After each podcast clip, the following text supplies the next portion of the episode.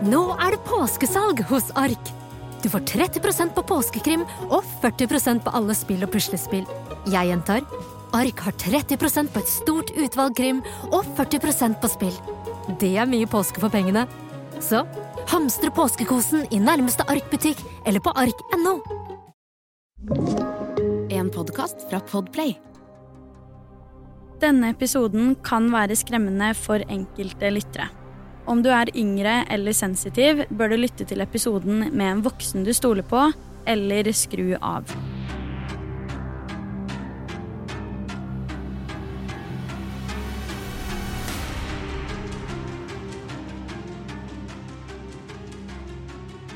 Happy halloween til alle dere nysgjerrige sjeler der ute. Det der var en litt klein intro, men her er vi. Uansett, velkommen til del to av saken om DB Cooper skal du være. Flykapreren som ingen egentlig vet hvem er. I del én snakka vi om akkurat hva det var som skjedde, men i denne episoden skal vi ta et dypdykk i de mange teoriene som florerer der ute. Da om hvem det er som begikk denne handlingen, altså hvem som står bak. I denne saken har det vært flere hundre mistenkte, fordi det er mange mennesker som kan ligne på fantomtegningen som ble laga. Men det er til slutt 22 personer som har stått igjen som mistenkte. Noen av disse er jo også på flere måter blitt renvaska, mens andre har ikke. Kanskje svaret på hvem som er skyldig, ligger et eller annet sted i denne episoden her. Husk at jeg alltid er interessert i å høre hva du tenker om sakene jeg prater om her i podkasten, så ikke hold tilbake på å sende inn dine tanker og teorier rundt de ulike sakene. Jeg elsker å høre fra dere.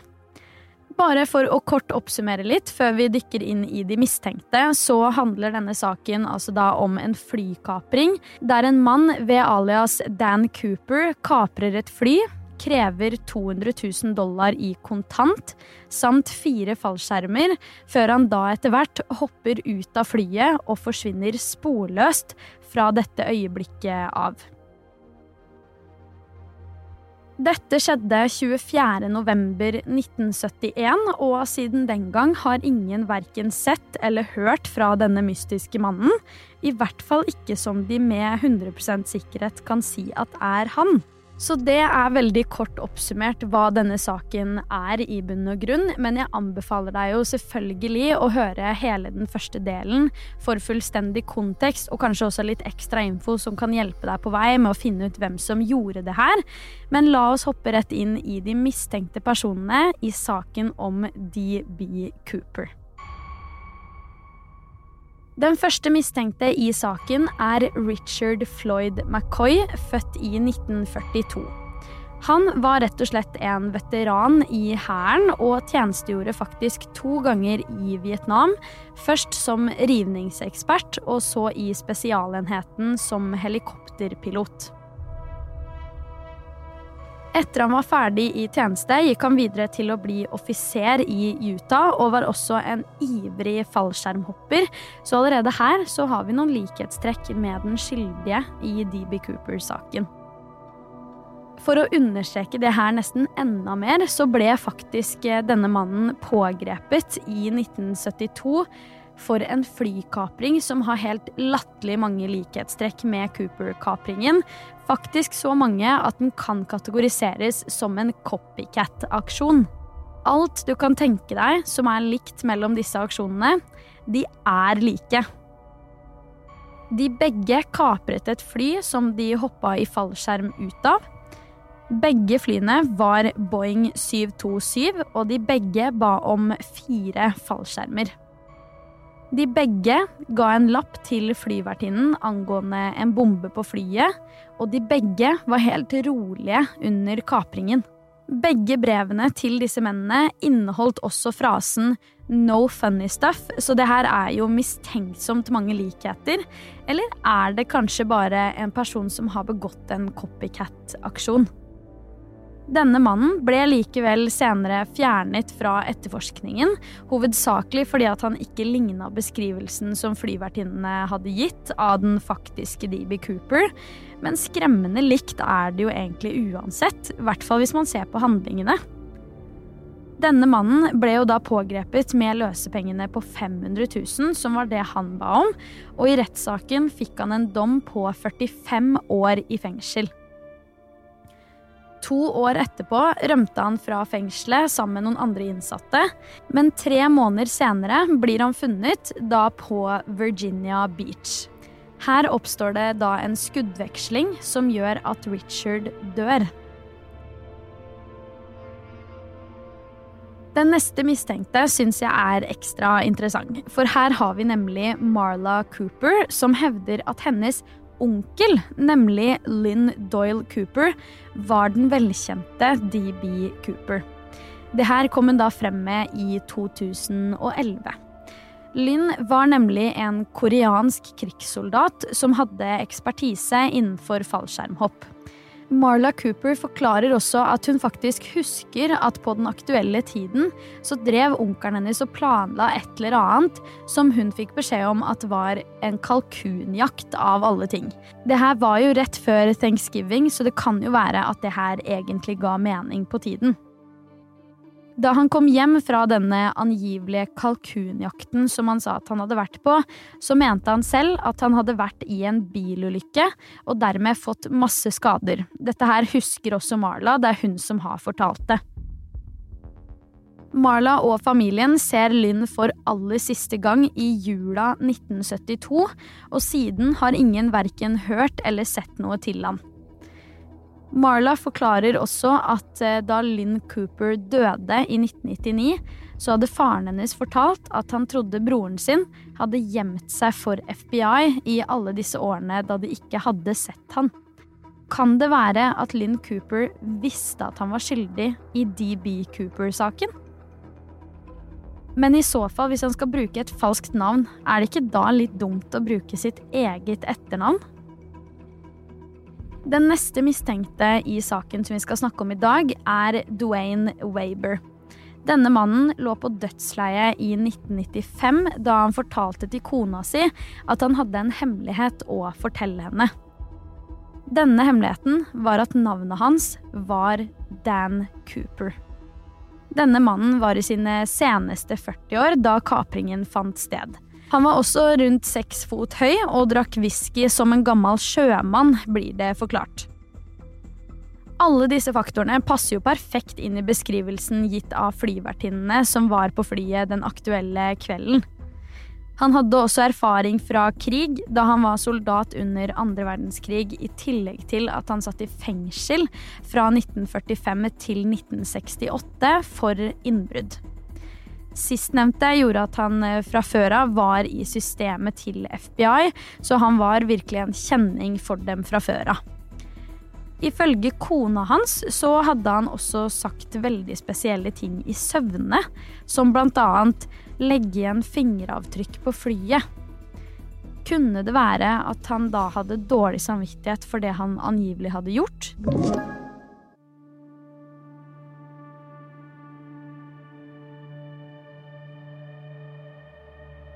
Enda en faktor som gjør ting litt mer troverdig akkurat i denne teorien, er at Dwayne Baber og kona hans faktisk besøkte Columbia River i 1975.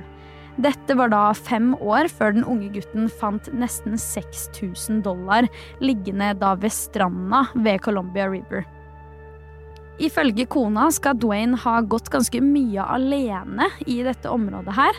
Nesten litt som at han mimra tilbake til noe.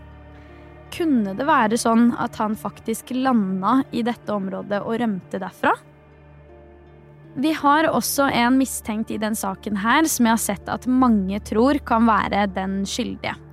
Dette er Barbara Dayton, født i 1926.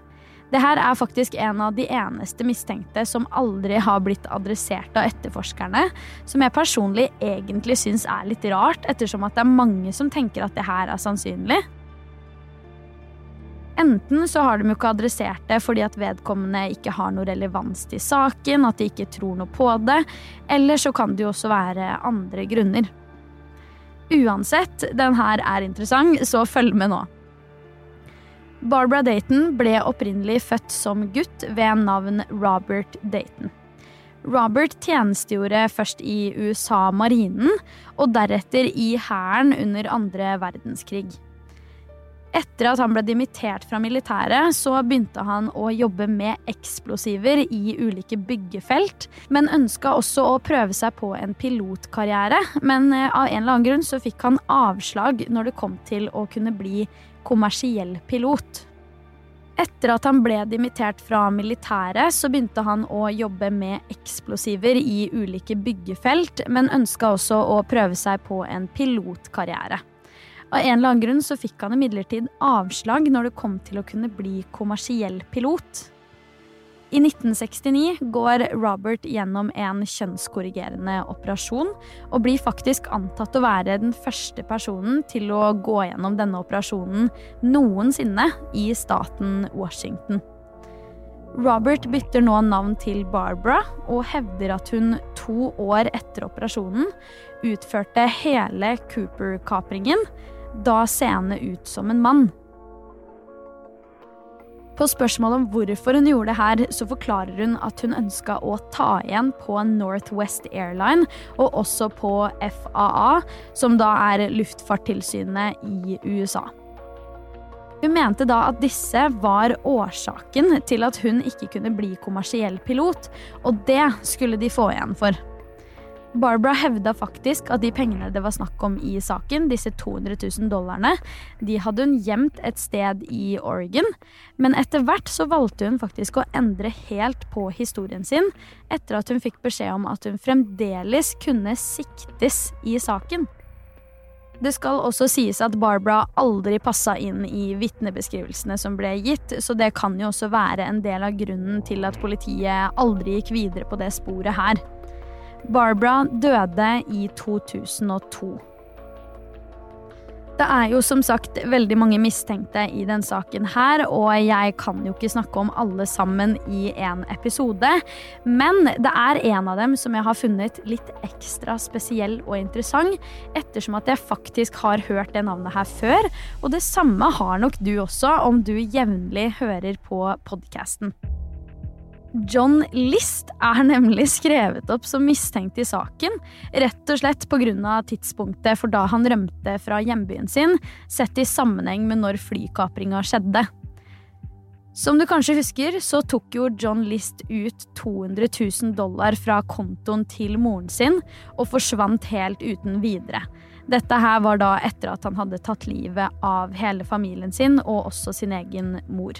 Om du ikke har hørt hele den episoden, så vil jeg definitivt anbefale deg å sjekke den ut. Den saken har nesten enda flere lag enn det vi snakker om i den saken her.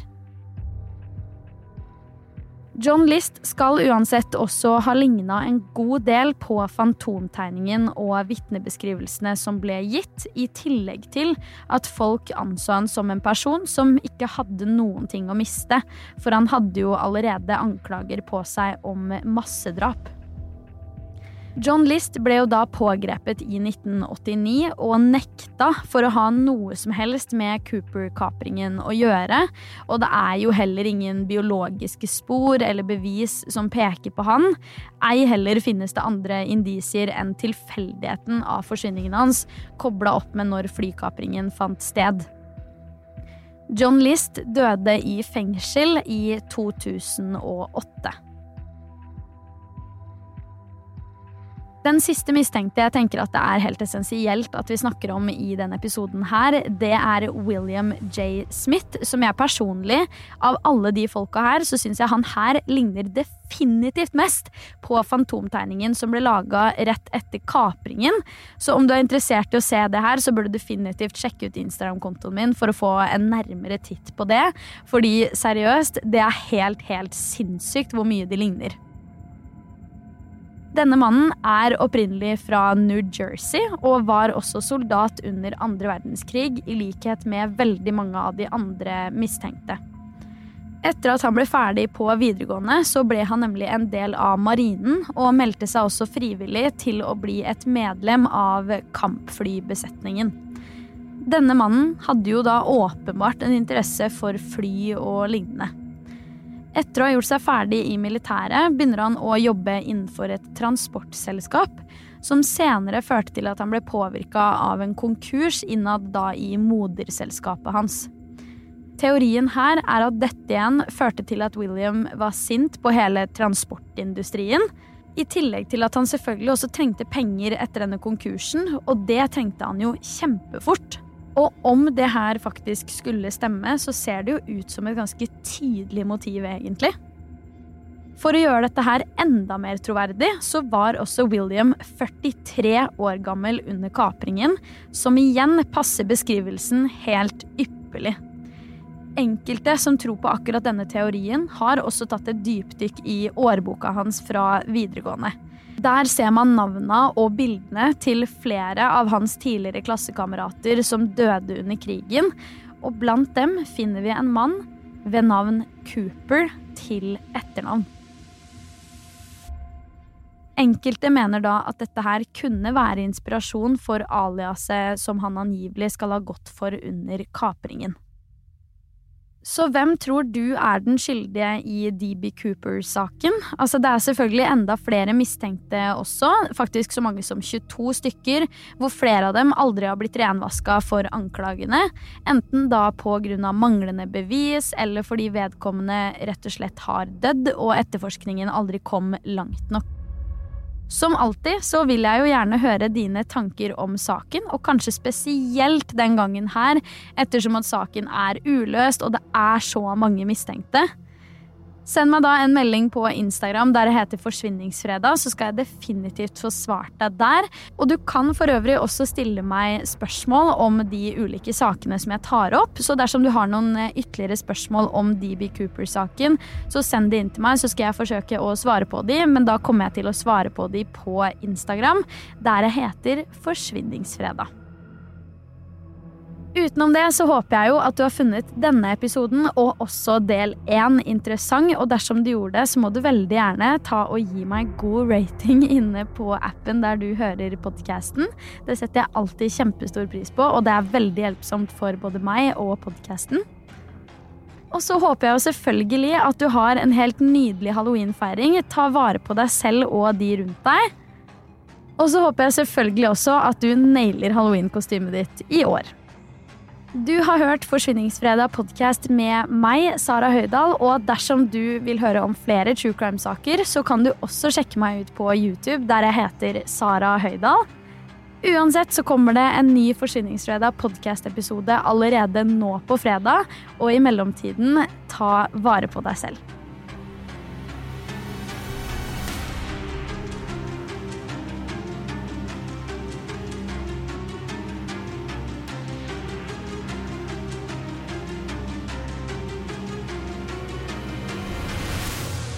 Du har hørt en podkast fra Podplay. En enklere måte å høre podkast på. Last ned appen Podplay, eller se podplay.no.